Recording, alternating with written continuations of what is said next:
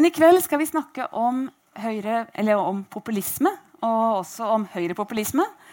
Eh, vi har, eh, det er et eh, tema som er mer aktuelt enn på lenge. Og hvis dere har lyst til å tvitre underveis, så kan dere bruke hashtag agendakveld. Det er jo noe sånn at Den drøyeste populisten av dem alle, som har sprengt alle skalaer for hva vi trodde var mulig for en politiker å gjøre, Donald Trump, er republikanernes presidentkandidat. Vi ser at populistiske partier er på frammarsj over hele Europa. I Ungarn sitter de med makta. Og hva er det som skjer? Hva er det i samfunnet vårt som skaper grobunn for dette? Er det noe felles kjennetegn mellom populister i ulike land? Hvem er velgerne deres? Hvordan er samspillet mellom populistene og media? Hvordan kommuniserer de? Og hvordan blir velgerne påvirket av deres kommunikasjon? Vi er ikke de eneste som lurer på dette. så Det har vært gjennomført et stort forskningsprosjekt der forskere fra 24 land har prøvd å forstå hva er, å gi svar på, på noe av dette, og spesielt på hvordan eh, populistene kommuniserer. Og I denne boka er det tre norske forskere som har deltatt i dette arbeidet. Det er eh, Bente Aalborg Nei, unnskyld. Toril Aalborg. Toril Aalborg hun er professor ved NTNU. Det er Anders Djupskås, som er forsker ved Universitetet i Oslo. Og Bente der kom Bente. Det var bare at de har likt tøy i dag. Så det var for å unnskylde meg selv. Bente Karlsnes fra Universitetet i Oslo. Eh, disse har vært med på dette store forskningsarbeidet. Og I tillegg så har vi med oss Kjetil Raknes. Han er forfatter av boka 'Høyrepopulismens hemmeligheter'. Eh, og er også nå eh, høyskolelektor på Høgskolen Kristiania. Helt ubeskjedent kan jeg si at jeg tror vi har noen av de aller fremste forskerne i Norge på dette feltet her i kveld. Så jeg kan love dere alle sammen at dere kommer til å være klokere når dere går hjem, enn da dere kom, og kan mer om dette feltet. Og først ut i kveld er uh, Tore Lålborg, så ta vel imot henne. Vær så god.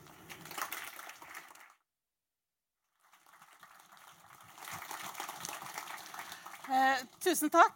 Kjempehyggelig å se at det er så mange som har kommet hit til det vi liksom opplever som en unik mulighet til å få lansert boka vår på norsk. Eh, det som eh, Marte sa her, at eh, det er en bok hvor det er 24 europeiske land som har vært med. Det er 60 medforfattere som har stått bak den her.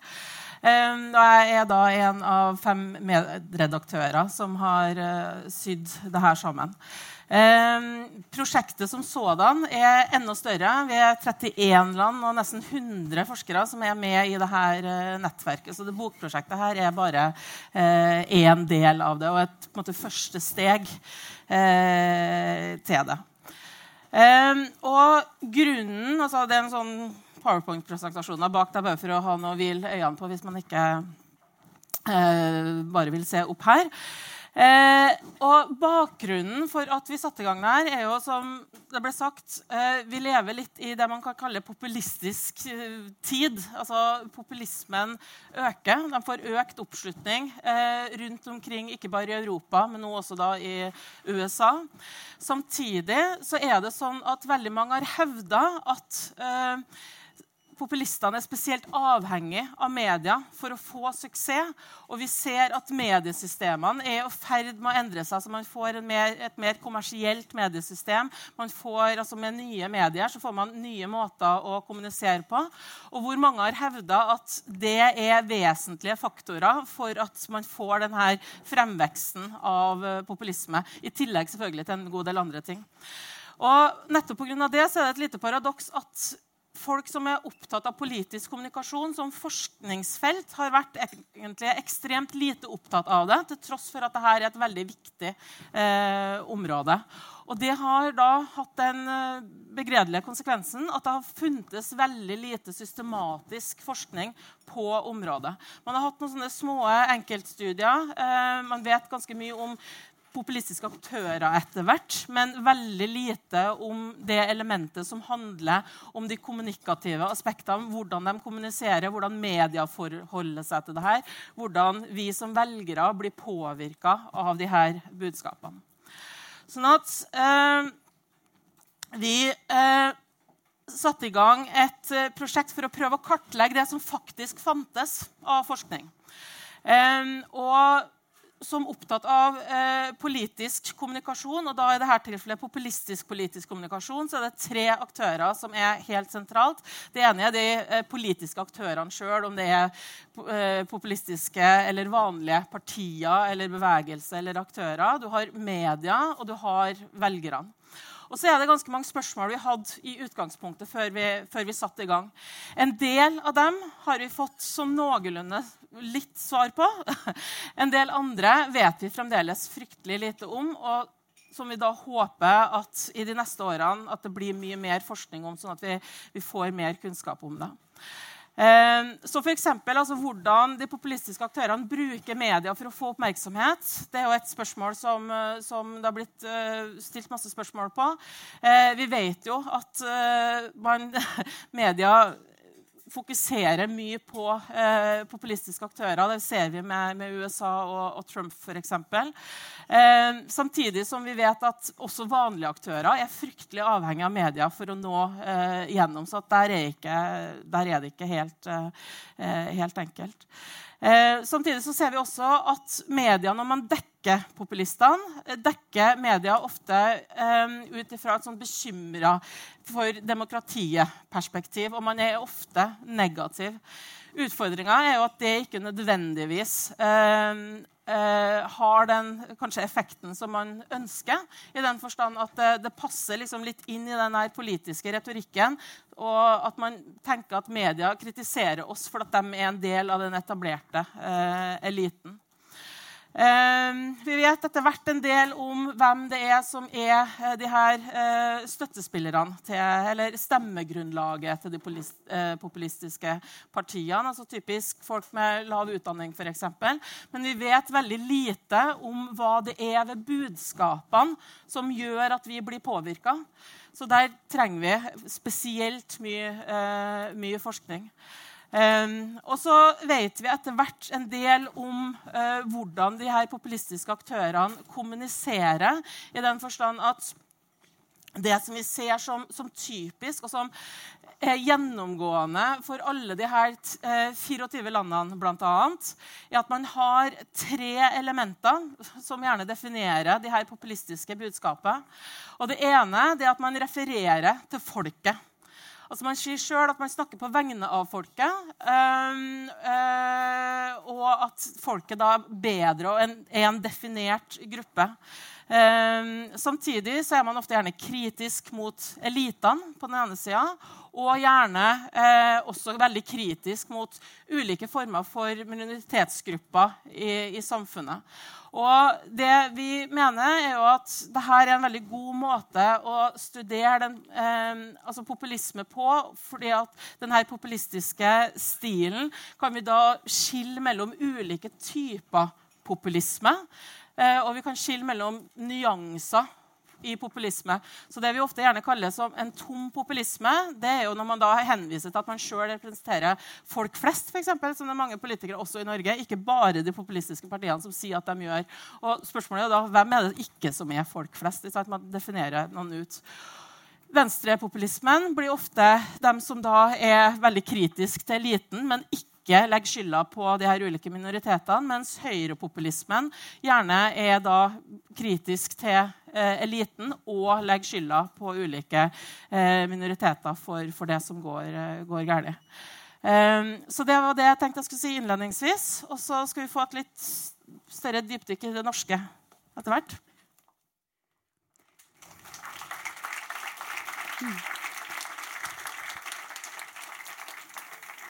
Tusen takk, Toril. Da skal jeg gi ordet til Anders Skipsgås, som har sett litt på Norge i denne konteksten. Vær så god, Anders.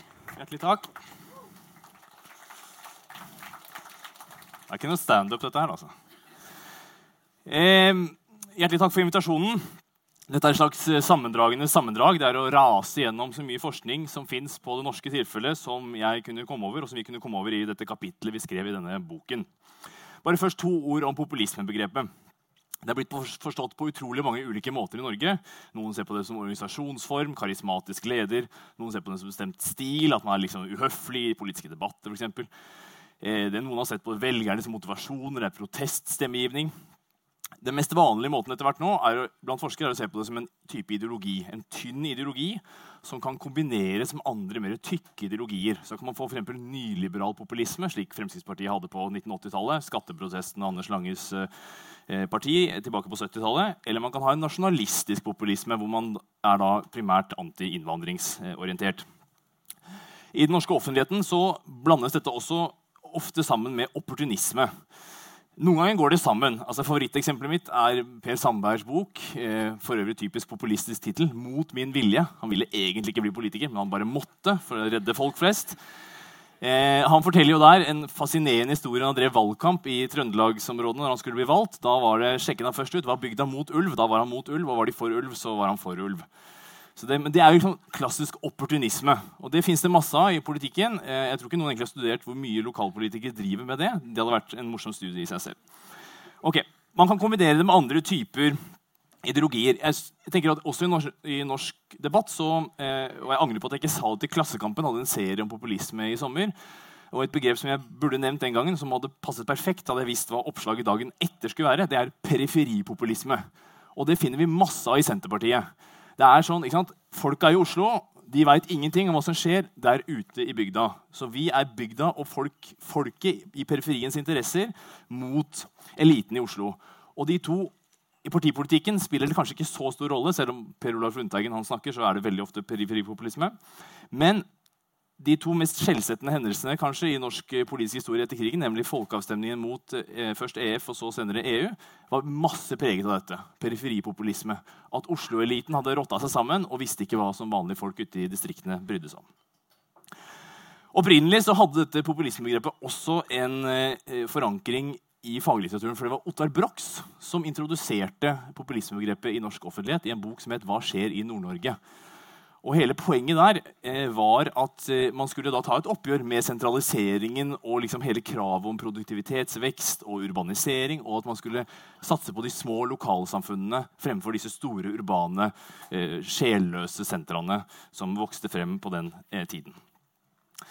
Man hadde også noe som heter populistiske arbeidsgrupper i Bergen, som hadde noe av den samme, eh, samme funksjonen. Og som etter hvert påvirket SV til en viss grad, men så forsvant det helt ut. Og så ble det Fremskrittspartiet som ble på mange måter eh, ensbetydende med å være eller var det eneste partiet som ble assosiert med populisme. Eh, I en internasjonal sammenheng, så, eller europeisk sammenheng så skiller Fremskrittspartiet seg litt fra andre høyrepopulister. Det rare med å si det er at jeg, Når jeg møter forskere fra andre land, så sier de akkurat det samme. Mitt, mitt populistparti er helt annerledes enn alle de andre. Men det er noe i det. For når man ser på en del eh, forsøk på å sammenligne både ideologi og, eh, og internasjonalt samarbeid, så trer Fremskrittspartiet frem som en litt eh, spesiell fugl. Det er både mindre nasjonalistisk. Et eksempel kunne være når eh, Sveits forbød minareter etter en massiv kampanje fra det sveitsiske folkepartiet for i 2009 så hoppet de andre partiene på med en gang. Dansk Folkeparti var også rett ut. Vi må forby minareter også hos oss. Fremskrittspartiet sa nei, vi skal, ikke ha det. Vi er et liberalt parti. Noen ganger er det ikke alltid så liberalt, men den gangen var det det. Og da landet de på den andre siden. Vi skal ikke forby det. Så har vi sett noen debatt om burkini og sånt som kommer nå. Så ting endrer seg hele tiden. Men eh, det er også et parti som er litt mindre autoritært. Eh, enn andre partier. Opptatt av lov og orden, men går ikke så langt i å eh, kritisere medienes uavhengighet som f.eks. Ungarn, hvor partiet er betydelig mer autoritært, det som styrer der, Fides. Og så er Fremskrittspartiet totalt uinteressert i å samarbeide internasjonalt med alle disse andre partiene. Det skal sies at De har også kjempeproblemer med å samarbeide sammen. Da. Sånn at eh, Noen partier er med i fire forskjellige grupper i Europaparlamentet disse såkalte høyrepopulistene. Noen er tatt helt inn i varmen av det britiske konservative, Dansk Folkeparti og Sandfinnen i Finland. Mens andre får ikke lov til å være med i noen grupper i det hele tatt. Jobbik i Ungarn og Gyllen dager i Hellas. Det er en stort eh, eh, spekter av ulike grader av ekstremisme kan man si, når det gjelder disse eh, partiene. Men de kan, det som er slående med Fremskrittspartiet, er at de er en slags eh, De har den samme funksjonen i norsk eh, partisystem som disse andre partiene har i sine land de kan forklares, Deres fremvekst kan forklares med mange av de samme faktorene som vi har sett eh, i andre europeiske land. For det første så handler det om postindustrialisering. Tenk på at I det gamle industrisamfunnet så var det motsetninger mellom arbeid og kapital. Eh, arbeidere og arbeidsgivere eller arbeidskjøpere. avhengig av hvor det står i politikken. Arbeidsgivere er jo et uh, litt ladet begrep.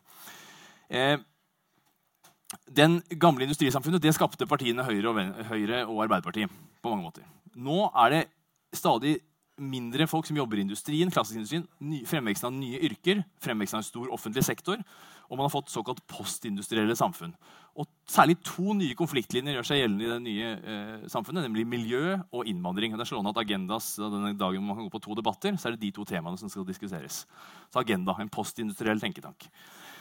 Eh, så er det innvandringssaken. og dette har selvfølgelig, hele poenget er da Innvandringen vokst frem. Og dette er partier som representerer innvandringssaken og innvandringsmotstanden. Eh, og så kunne man legge til i Norge også nedgangen i tidligere motkulturer. Det som er slående er at Fremskrittspartiet gjør det bra både der hvor Venstre gjorde det bra før, der hvor KrF gjorde det bra før, det er Israel-saken da, selvfølgelig, og der hvor Arbeiderpartiet gjorde det bra før. Etter hvert er liksom Nord-Norge blitt et av bastionene eller hvor Fremskrittspartiet gjør det relativt sett bra og har hatt flere ordførere. Ikke arbeidsløshet. Når arbeidsløsheten går opp, så går Frp ned. Så nå må folk slutte å snakke om denne økonomiske krisen som varer til evighet. slutter aldri. Og det samme gjelder i Europa. Det er ikke høyrepopulistene som profitterer på økt arbeidsledighet og diskusjon om økonomi. De største populistiske partiene som har vokst frem i kjølvannet av krisen, Syriza, Podemos, i andre land som er rammet hardt av krisen, Portugal, Irland, har ikke noe høyrepopulistisk parti i det hele tatt. Disse partiene er ikke opptatt av klassekamp, men av kultur. Andre faktorer som kan nevnes raskt, er selvfølgelig tabloidiseringen av det offentlige ordskiftet. Jeg kommer tilbake til det, Fra partipresse, hvor det var vanskelig for uh, anti-etablissementskritikere partier å vokse frem. Fordi partipressen de, de hadde sine nisjer, og de representerte sine partier og støttet de Eh, og det var vanskelig for nye aktører å gjøre seg gjeldende. Nå har man fått seddelpresse fra partipressen til seddelpressen. Opptatt av penger er pressen i dag, og de gir gladelig oppmerksomhet til populistiske aktører, Donald Trump et eksempel, som genererer masse salg og oppmerksomhet for avisene. I tillegg i Norge har man et moderat høyreparti. Statsviter er opptatt av noe som heter politisk rom. I land som Tyskland for eksempel, så har eh, CDU og CSU det konservative partiet, vært så langt til høyre det var en gammel doktrine der, vi skal være så langt til høyre at det aldri finnes noe rom til høyre for oss. Og Det klarte de et stykke på vei. I andre land, England for eksempel, så er det et valgsystem. Det Gjør det nesten umulig for nye aktører. UKIP kan få så mye oppslutning de bare vil. Hvis de ikke vinner mandatene i sine valgdistrikter, så kommer de ikke inn i Westminster uansett. Og så er det selvfølgelig noe partiene gjør selv. Frp begynte å lese Tillitsmannen. Bygde organisasjon. Lagde valgcamp. Og i Det hele tatt, det var stor stemning. Et av de få partiene som har hatt medlemsvekst, mens de andre partiene har sakte, men sikkert tapt medlemmer. I Norge har antall medlemmer dramatisk falt de siste 25 årene. Fra rundt 400 000 til omkring 170 000. Det eneste partiet som har vokst, er Frp, og nå selvfølgelig De Grønne har hatt en voldsom boom. Igjen de to postindustrielle partiene. Legitimitetsskjold.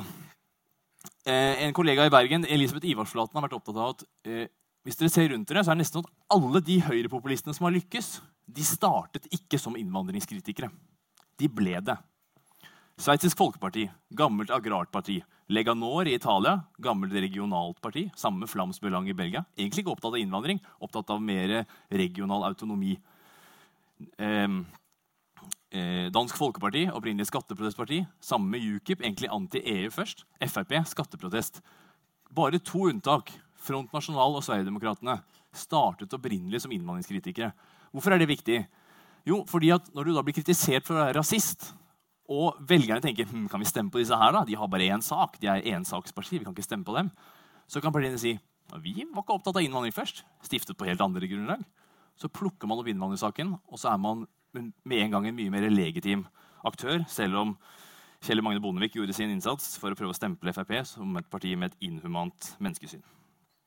Det funka ikke. Funka bare litt, og så gikk han. Og så kom de til makten.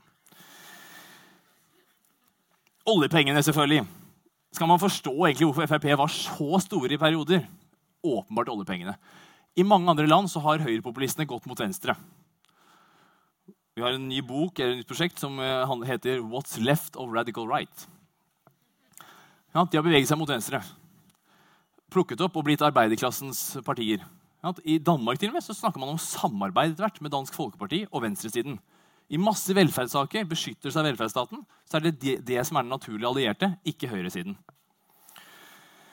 I Norge så har jo da eh, oljepengene muliggjort at Frp kan gjøre to ting.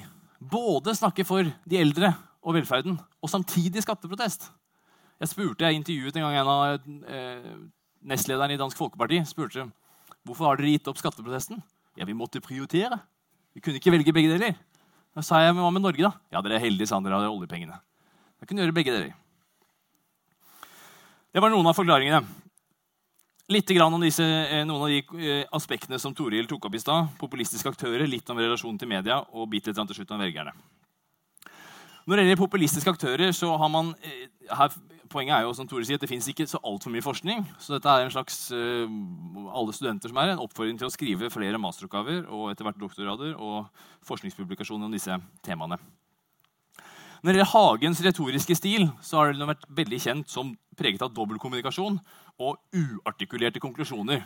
Hagen sa ikke alltid hva det var som var konklusjonen. Da kunne folk trekke den selv, og det var en fordel. Da kunne alle legge inn det de ville. Siv Jensen noe av det samme. Vag, tvetydig. Dette er jo folk som har gått gjennom og sett på hva hun har sagt. da. Vi kunne hatt en lang diskusjon om hvordan man skal definere disse begrepene, men, men, men det tyder på at hun har vært tvetydig og lite konkret. Et favoritteksempel for de av dere som hørte på Politisk kvarter for en del år tilbake, eh, det var vel han Myklebust som prøvde å stille Fremskrittspartiet spørsmål om hva er norsk kultur. For Siv Jensen har sagt om igjen og om igjen norsk kultur er truet. Og så er spørsmålet hva er det da som er truet? Ja, kultur, ja, alle skjønner hva det er. Ja, Men jeg vil lure på som lytter nå, prøvde Myklebustad da.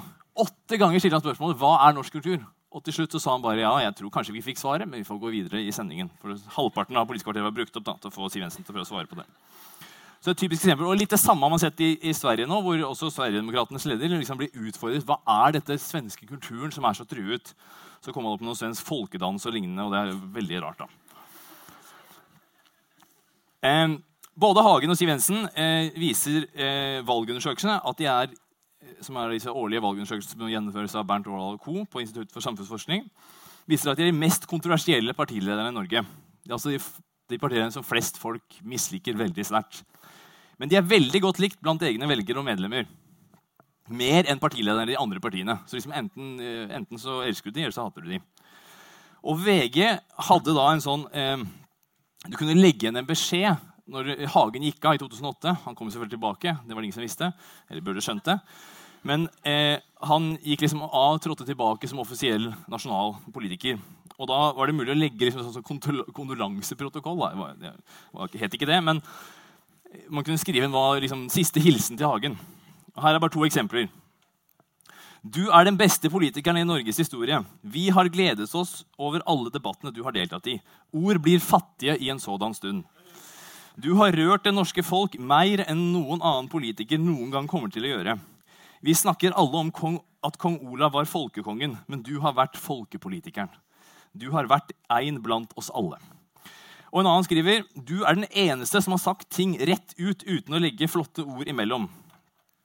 Perfekt beskrivelse av Per Sandberg òg. De fleste av folket er eh, enige med mye av det du sa og sto for. Noe av det vil nok vise seg å være rett. Hele tanken om at han, han, han, var, han var, litt mer beskjeden. da. Var noe av det. Frp har alltid satset mye på å være til, eh, å være til stede i mediene. Eh, nå er det litt over til medienes rolle. En studie av TV 2 og NRK viste at Frp eh, var mest populistiske i måten de fremtrer i mediene på. Men at det fantes også elementer hos Høyre, KrF og SV. Men for de partiene de siste, så dreide det seg mer om å appellere til folket og mindre mot å kritisere elitene. Selvfølgelig, for det var jo dem selv, så det kunne de ikke gjøre. Eh, Frp var sent ute på sosiale medier. Og eh, eh Argumentet var at de som besøkte FrPs sider, de var jo allerede sympatisører. så hvorfor bruke tid på det? Eh, ellers har de nå i senere tid omfavnet Facebook, eh, folkets arena, men styrt unna Twitter, som selvfølgelig er elitens arena.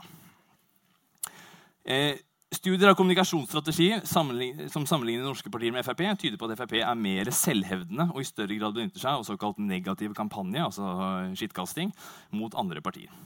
Mange minutter har jeg igjen? egentlig? Er litt over? Ja. Eh, bare si noe I relasjon til, til, mediene så er det også et veldig interessant funn at eh, TV 2 ser ut til å være de som har promotert verdensbildet til Frp i størst grad, både når det gjelder innvandringskritikk og denne populistiske, hvor veldig mange saker på TV2 i motsetning til NRK, rammes inn som denne folk, folk, på gulvet der nede står i et motsetningsforhold til noen egoistiske og virkelighetsfjerne eliter eh, på toppen. Og bare Holmgang er jo favoritteksempelet, selvfølgelig, som i 2004 presenterte en meningsmåling blant folket hvor 97% sa at muslimer var en alvorlig trussel mot norsk kultur. Det var selvfølgelig ikke representativt, det hele tatt, men det hindret ikke Oddvar Stensrud å si hva er deres reaksjon på dette. Og det var liksom poenget, eksempel, En målbærer av folkets røst. Bare la meg si helt til slutt at uh, Vi kan snakke mer om velgergrunnlaget til disse partiene etterpå. Men si at uh, fordi disse velgerne veldig ofte er preget av mye misnøye med systemet, så er det mange som har argumentert for at Fremskrittspartiets fremvekst og tilsvarende populistiske partier har hatt en slags integrerende funksjon, hvor de har brakt folk som ellers er veldig misfornøyde og kunne funnet på mye annet rart, inn i det partipolitiske systemet. Så på så, så måte kan man si at I et slags demokratisk perspektiv et deltakende demokratisk perspektiv, er det en fordel at disse menneskene blir sluset inn og tar del i den etablerte partipolitikken. Ok, jeg stopper der.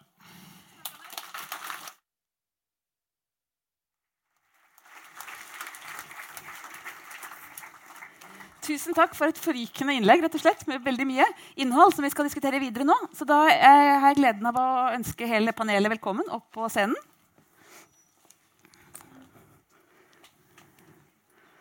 Jeg kan godt klappe for dem en gang til, altså. eh,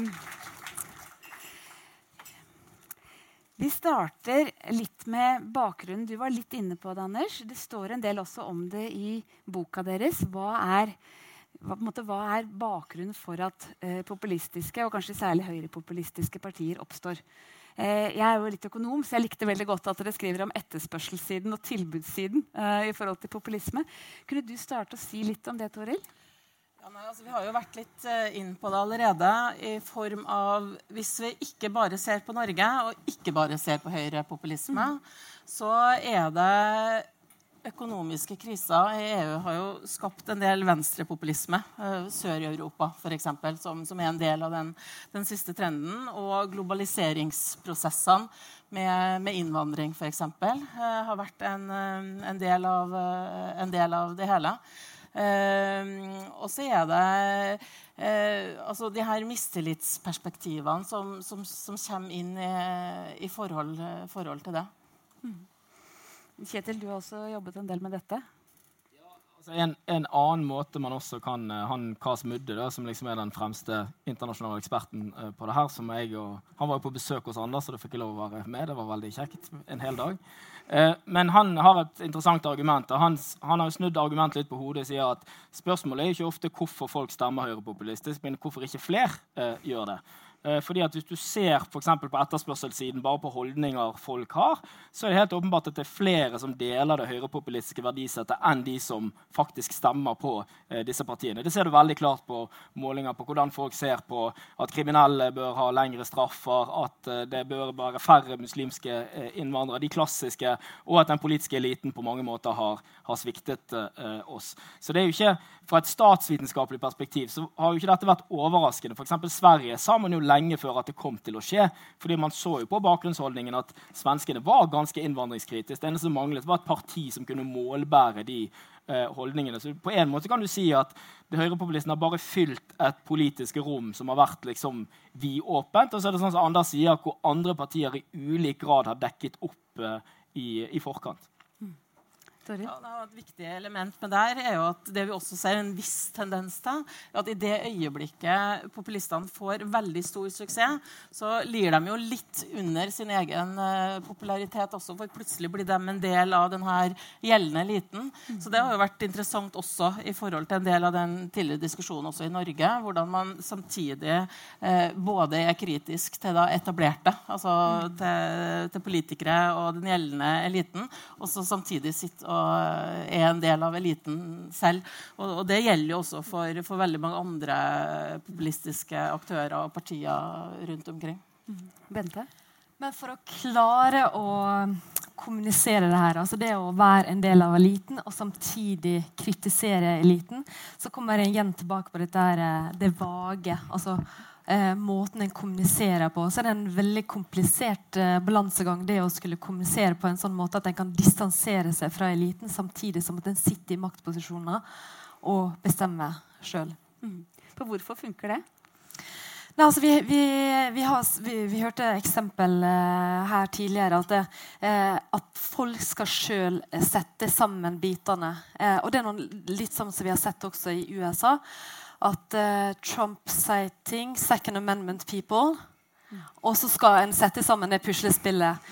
Eh, og da blir det også vanskeligere å ta dem på det. Men de sender ut signal, og eh, i forskninga snakker en også om sånn dog whistling.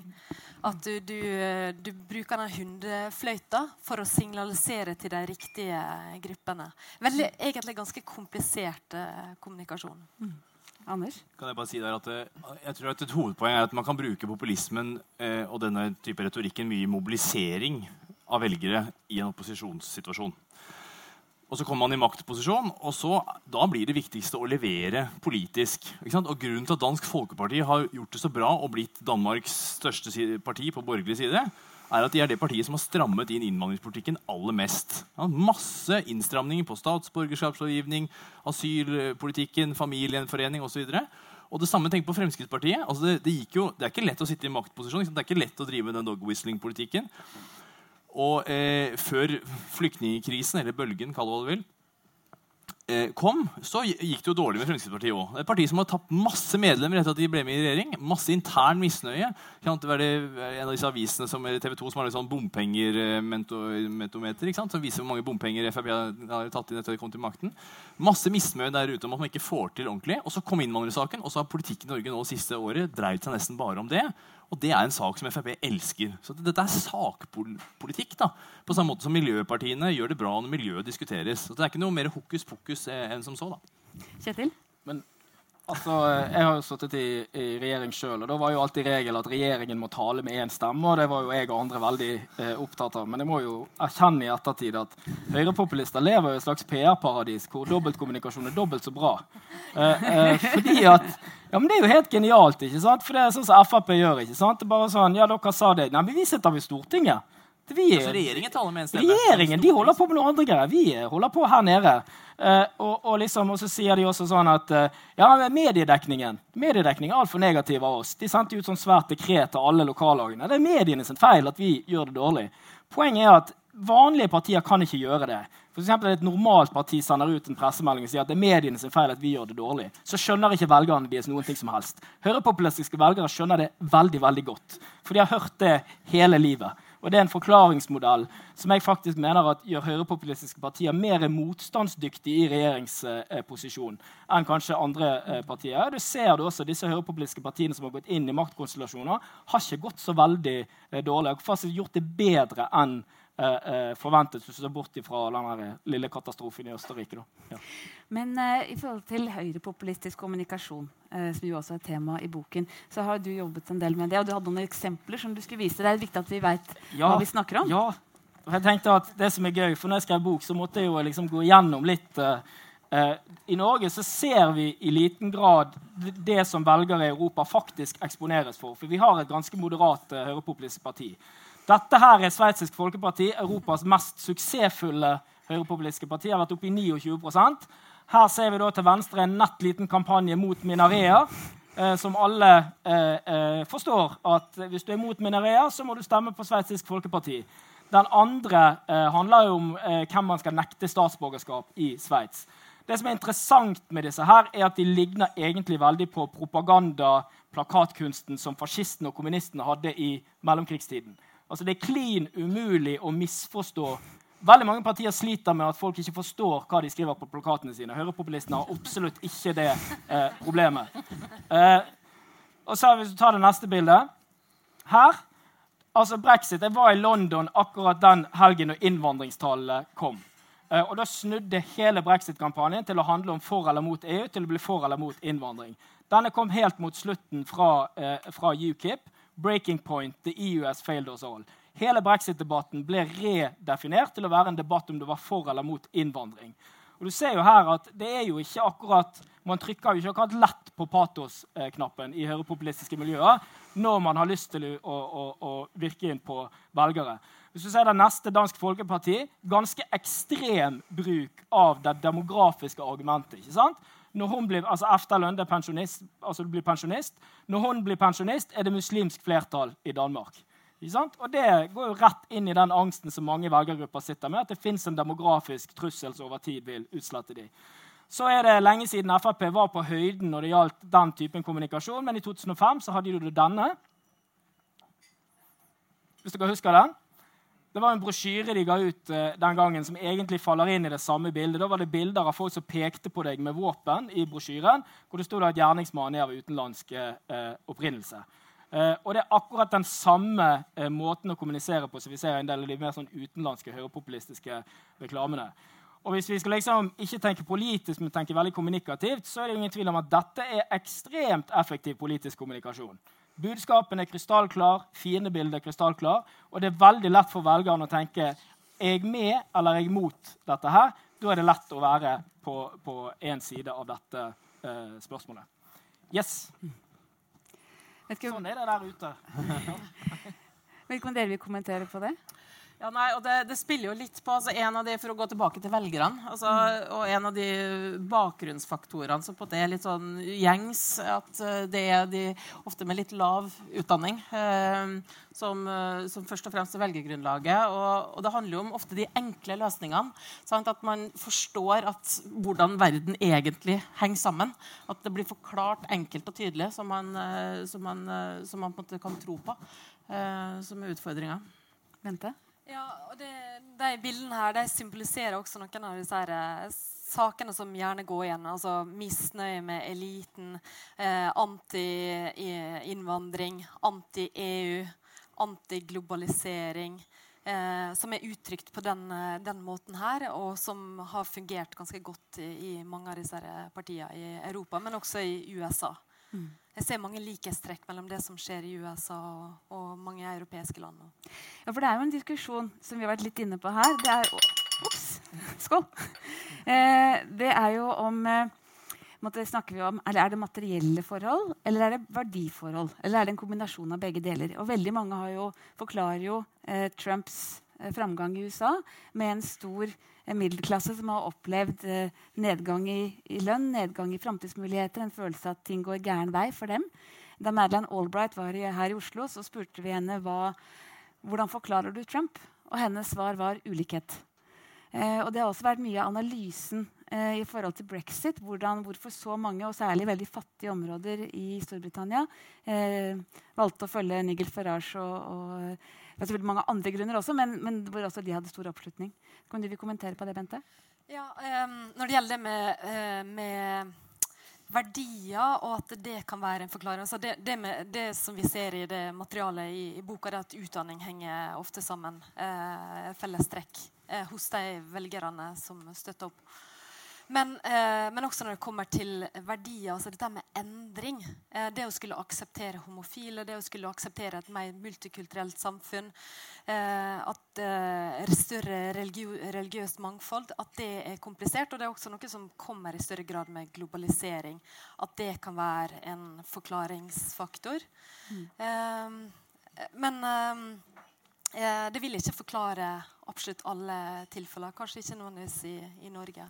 Jeg tror ulikheten kanskje handler mer om den venstrepopulismen vi finner i Sør-Europa. Altså der har jo mye handla nettopp om den ulikheten og den rike eliten som har, har skodd seg, eh, først og fremst.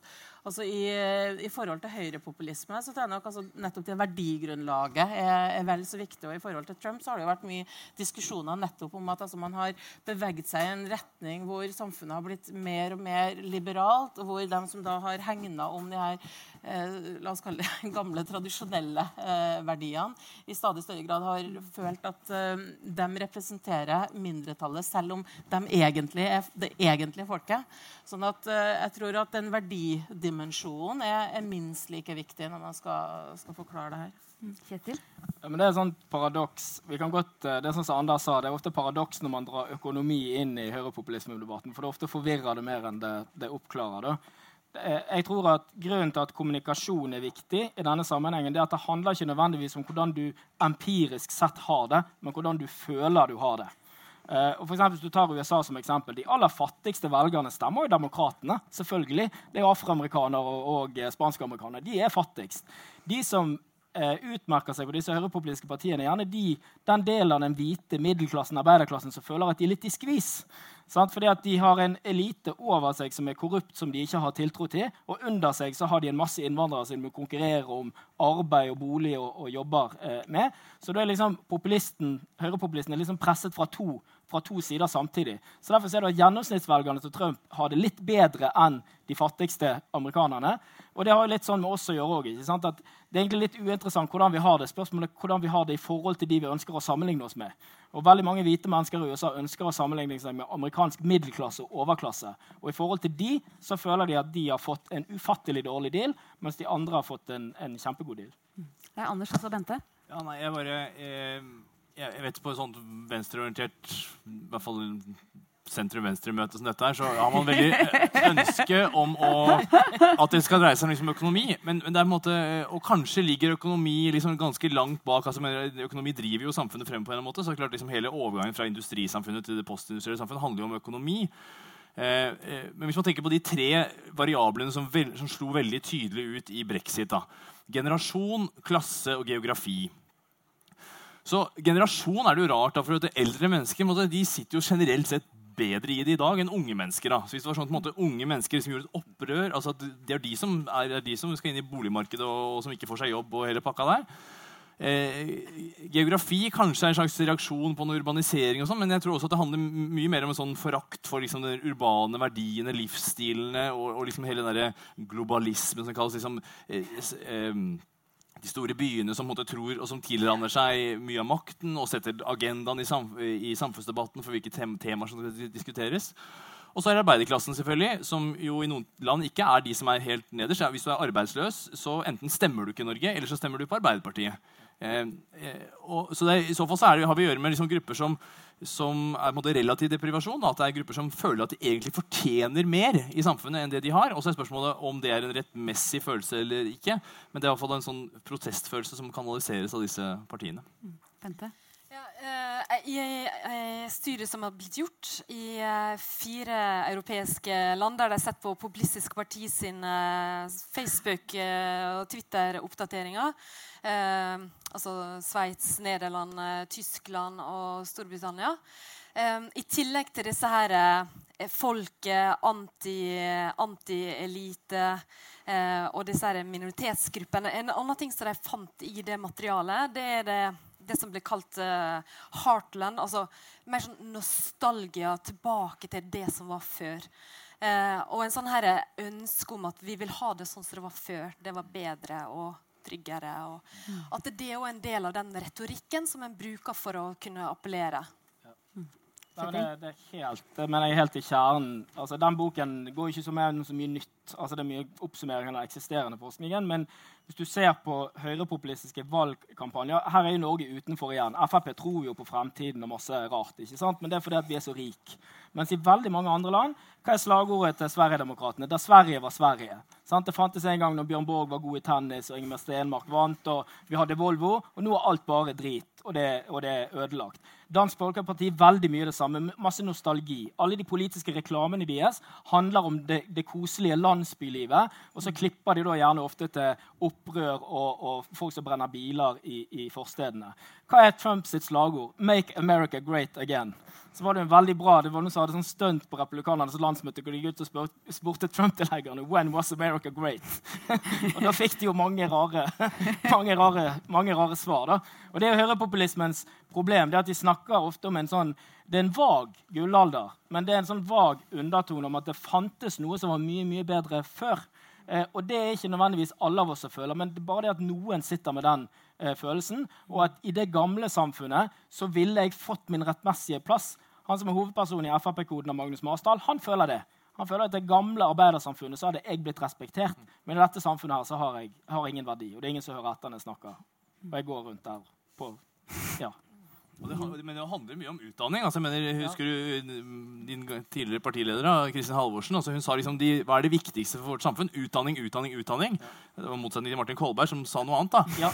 så, poenget var at det, og, og, til en viss grad så har jo sosialdemokratene i større grad klart å holde, Det er jo sosialdemokratene som blør mest selvfølgelig, ja. Eh, til disse partiene, sammen med høyresidens de store høyrepartiene. altså De to store, dominerende partiene som blør mest til disse partiene. Um, og det handler mye om som du sier, altså, jeg, tror det er et kulturelt liksom, skifte. altså De kulturelle verdiene som gjaldt den gangen, og som da gavnet disse gruppene, og som måtte ga de en som du sier, respekt og, og, og, og tilhørighet til samfunnet, de er nå borte. Og, til, og, så er det blitt erstattet av noen nye kulturelle verdier som de ikke kjenner seg igjen i. Hvor det er liksom forsvar for homofiles rettigheter, likestilling og hele pakka der som de reagerer på. Mm. Ja, nei, jeg tror Det er ekstremt viktig nettopp den persepsjonen. for En av de, de, studiene som nylig har kommet fra USA, handler jo nettopp om at det er jo ikke i de områdene hvor man er fattig, men det er de områdene rett ved siden av der man er fattig. Sånn at det er hvordan man opplever og føler den, den trusselen. Og det kan man jo også si det samme egentlig eh, til en viss grad her i Norge og, og, veldig mange andre land også. At det, eh, det, det som eh, Det handler om oppfatninga av virkeligheten. Men hvorfor er det et problem? Dere du startet jo innlegget ditt med å si at dette har det vært forska for lite på. Dette er et stort, et, noe vi må forholde oss til. Hvorfor er framveksten av populisme et problem? Jeg tenker Det er et problem fordi at det er veldig konfliktdrivende. Altså det setter uh, grupper i samfunnet opp imot hverandre. Det definerer eh, hvem som måte er det moralske folket, og hvem som måte ikke er det. Altså, både eliten er umoralsk, og alle de her ulike formene for minoriteter, hvem det nå skal være, er også eh, umoralsk og, og ønsker folket vondt. Og det tror jeg ikke skaper et eh, harmonisk samfunn, holdt jeg på å si, nærmest uansett hvor, hvor, i hvilken retning populismen kommer fra. Mm. Vente? Um, altså når, de, uh, når den uh, elitekritikken er så viktig for deg, så er det ikke bare andre politikere, men det er også media, det er forskere, det er andre eksperter. altså uh, ulike aktører i samfunnet som en har en mistillit til. Og hvis en eh, er med på å spre om seg med den type mistillit, så kan det, kan det bli en ganske sånn komplisert eh, både samfunnsdebatt og samfunnsutvikling hvis, får, hvis det er med på å øke mistilliten generelt eh, om disse viktige samfunnsinstitusjonene. Og, og f.eks. det med mistillit til media. Da. Eh, det vi har sett eh, i norsk og svensk eh, sammenheng, det er at eh, Frp og eh, Sverigedemokraterna har brukt sosiale medier veldig eh, vellykka i den forstand at de har nådd veldig bredt ut har eh, flest uh, følgere uh, på, på, særlig Facebook, da, som har vært viktig, å få spredt budskapet sitt i veldig stor grad. og det en også ser, det at noe av det som de får størst oppmerksomhet og spredning på, det er mediekritikk. Eh, så mediene er veldig viktige for dem for å få legitimitet, samtidig som de nå har fått en ny arena og kan bygge svære nettverk og nå veldig bredt ut. Så sånn sett kan du si at Internett og sosiale medier er helt ideelt for eh, populistiske eh, aktører. Mm. Eh, altså selvfølgelig også for andre politiske aktører, men kanskje særlig deg Mm.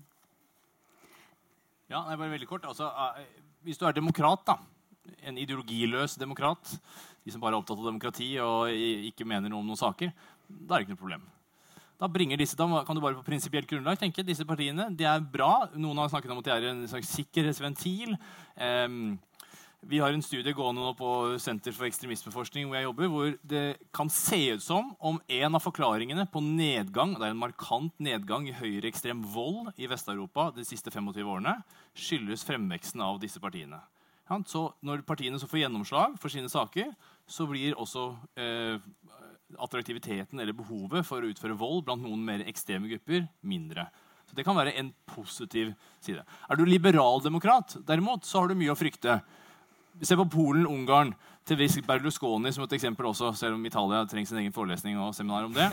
Men, men disse eh, landene eh, dette er, parti, dette er populistiske politikere som legitimerer sin egen makt. Latin-Amerika et annet case, altså med venstrepopulister som har gjort akkurat det samme, legitimerer sin egen makt og maktmisbruk ved å referere til at de representerer folket. Og man innfører mindre eh, minoriteters rettigheter, utfordrer medienes uavhengighet, sivilsamfunnets uavhengighet, ikke minst rettsapparatet. Ungarn det er paradigmetilfelle hvor man har avsatt masse dommere, førtidspensjonert de, det var ikke noe gøy. Eh, innsatte nye dommere for å eh, fronte sine egne saker og endre Grunnloven sakte, men sikkert. I tillegg tegnet nytt valg, valgordningen er endret, slik at det skal være lettere å vinne valgene på nytt. Bare til slutt, Er man venstresideorientert, derimot, da er man også i et problem. da. Så det skjønner jeg, så det, vi får ta det Martins perspektiv her. da.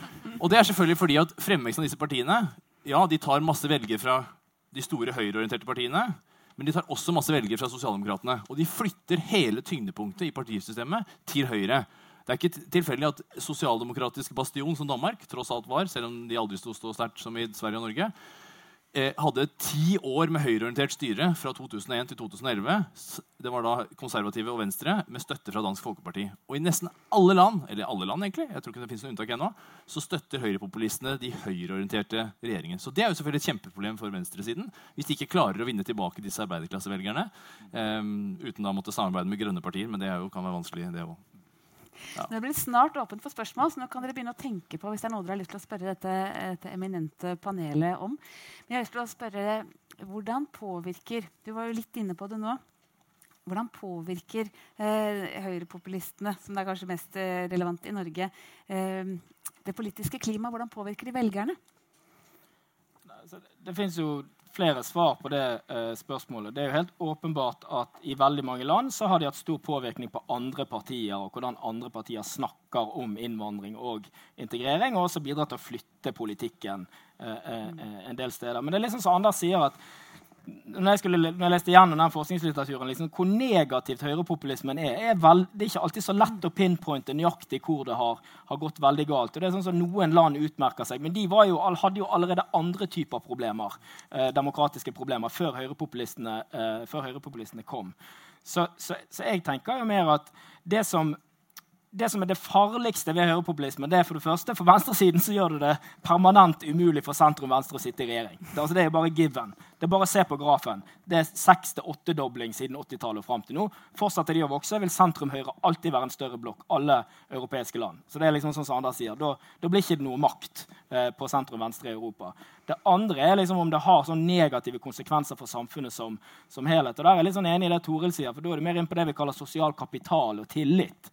Altså om den typen partier og den typen debatt bidrar til å redusere tilliten eh, i et samfunn. Og det kan ha konsekvenser i forhold til, eh, i forhold til folks tro. For det er jo en gang sånn at Hvis ikke folk tror at elitene i landet vil de vel, så går det veldig dårlig. Altså USA er jo først og fremst en elitekollaps. Altså, det er ingen som har tiltro til eliten i USA. og Dermed gjør det mulig for en mann som Trump å, å, vokse, å, å vokse, frem. Og det forsvinner ikke selv om Trump forsvinner. Så forsvinner ikke den, den enorme liksom, tillitskrisen som hele det politiske systemet er i. Og igjen, Norge er et unntak. Norge er delvis flat eller går litt fram på tillit. Så det, det, går så bra hos oss. Og så er det veldig kjekt å ha en debatt om hvor dårlig det går hos, hos alle andre. Ja.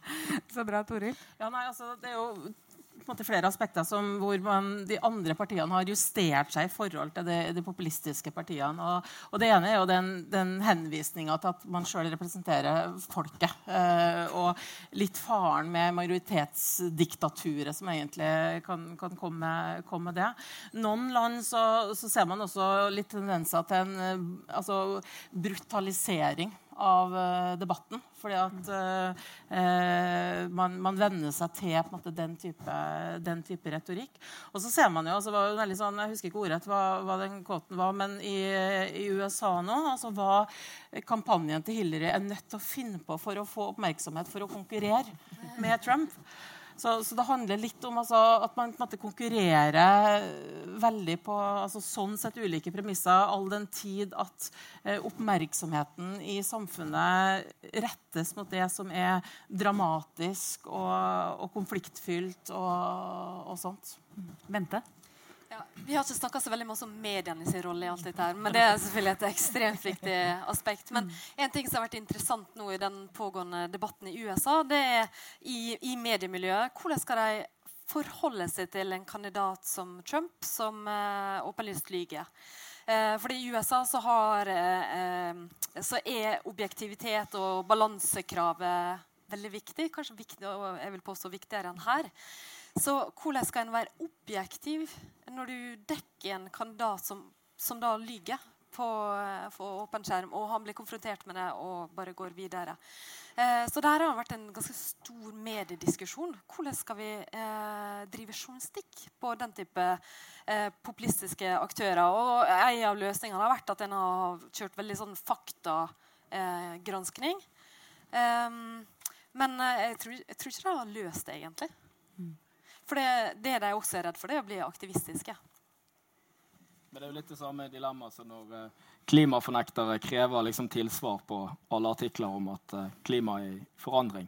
Sånn, det har også vært en debatt i journalistikk. At, altså, De som mener noe annet, de har tilsvarsretten. gjelder. Selv om det du mener er ganske ko-ko, så må du få lov til å, til å, til å mene det. Og det utgjør et, det andre som er den andre siden av det, det var jo CNN, som hadde jo tidenes Sjefen for CNN var jo ute og sa at Trump er liksom det beste som har hendt CNN eh, noensinne. For han reddet CNN som, som, eh, som kanal.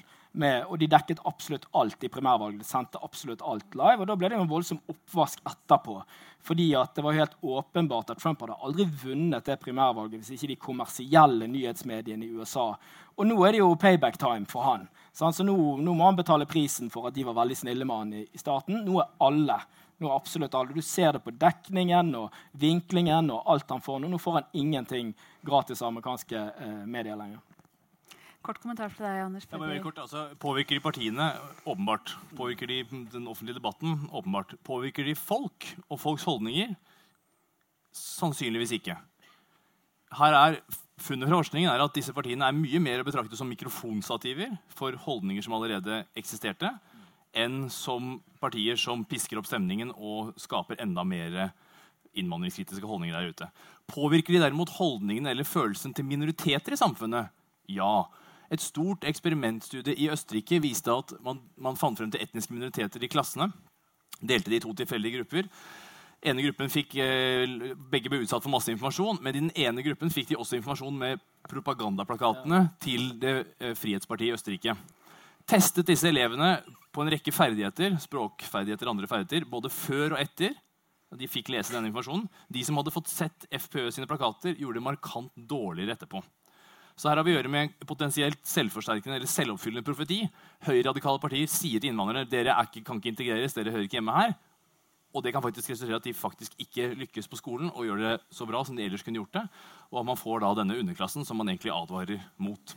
Så igjen så tror jeg vi er tilbake til liksom at De har ikke så mye konsekvenser for vanlige folk og velgerne deres, men de kan potensielt ha det for minoriteter, som er de som får det verst hvis disse partiene får makt.